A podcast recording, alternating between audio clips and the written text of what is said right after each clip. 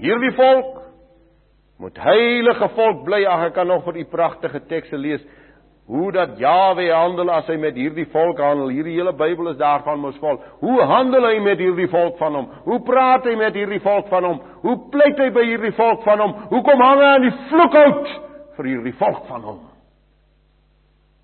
Getuig Matteus dit. Getuig hy dit. Sommige raar sy eerste in sy eerste bladsy wat hy skryf dat sê hy die engel verskyn en hy sê jy moet hom Yeshua noem want dis hy wat sy volk van hulle sonde sal verlos.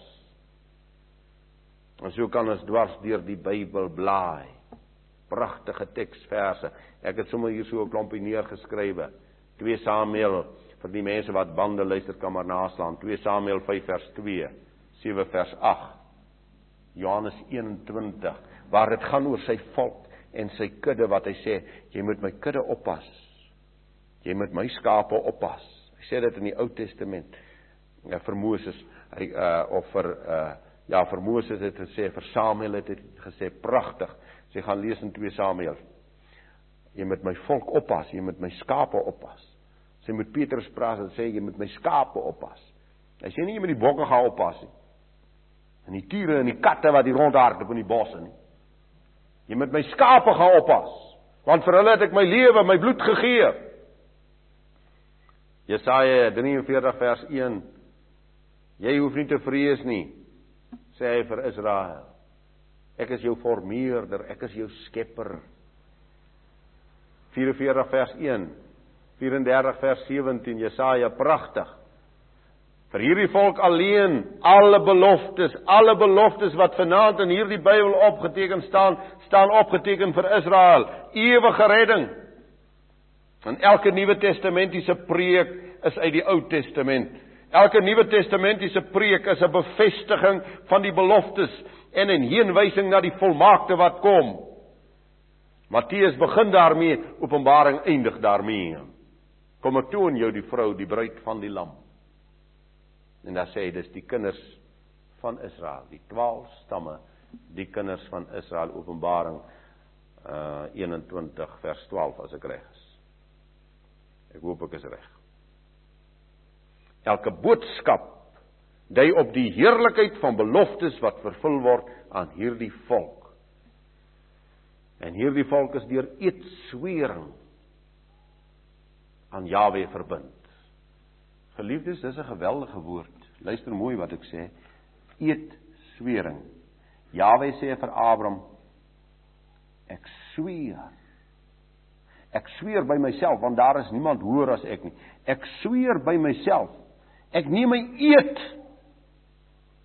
Ek sal met jou en jou nageslag wees tot die laaste dag. Die Hebreër skrywer kom bevestig dit in Hebreërs hoofstuk 6 waar hy hierdie eedswering na vore bring en sê dat Jawe het gesweer vir hierdie volk. Het gesweer dat hulle erfgename is van al die ryk beloftes.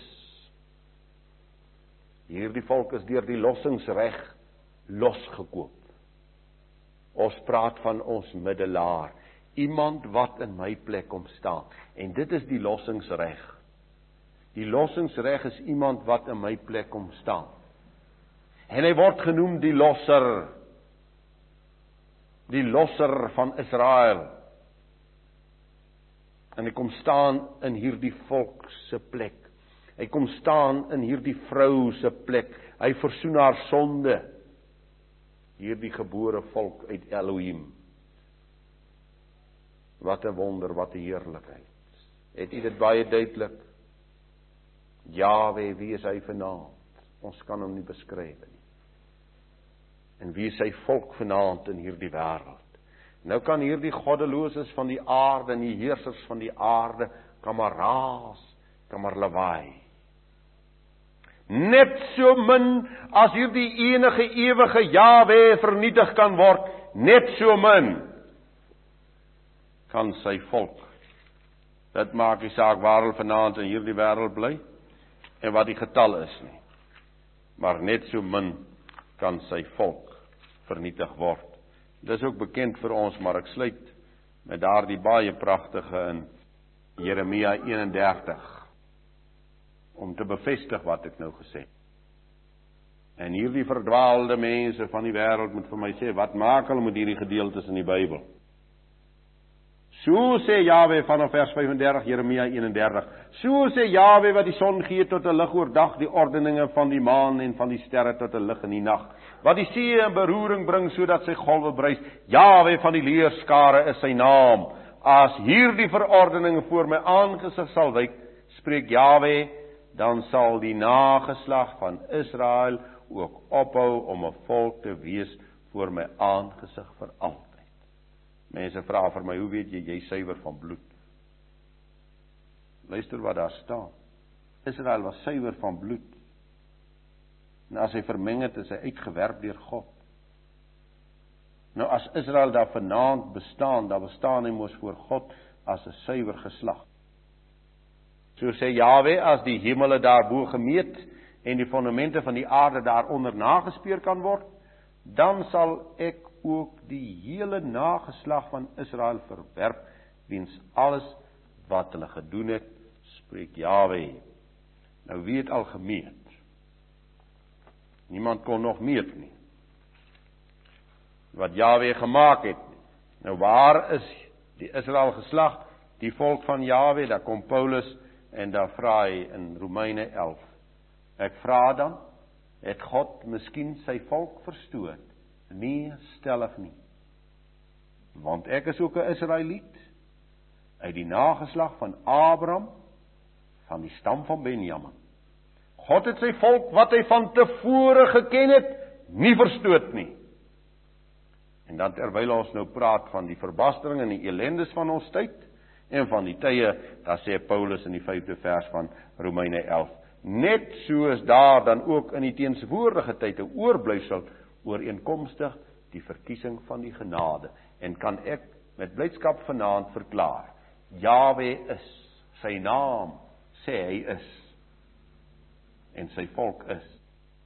En hy's helder onbeskryflik heerlik en sy volk sy volk sal helder bly. Amen.